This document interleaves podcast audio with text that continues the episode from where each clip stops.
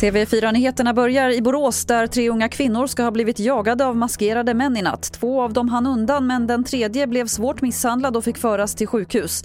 Det är oklart om det finns någon koppling mellan gärningsmännen och kvinnorna som attackerades. Ingen har gripits. Så till USA som närmar sig ett godkännande av Pfizer-Biontechs covid-19-vaccin. En grupp oberoende experter har rekommenderat att vaccinet snabbgodkänns och målet är att börja vaccinera redan i nästa vecka. Stefan Borg är på plats i USA. Det här har ju gått extremt snabbt när man har tagit fram det här och det finns ju fortfarande frågor till exempel om hur eh, människor som har eh, allergiproblem kan ta emot det här vaccinet utan att bli sjuka utav det. Man har också diskuterat åldersgräns 16, 17 eller 18 år som en nedre gräns för att eh, ta emot det här vaccinet. Men i huvudsak så är man ju positiva och det här är ett nödgodkännande. Man måste ju ansöka igen för att få eh, ett formellt erkännande för att använda det här fullt ut i ett senare skede.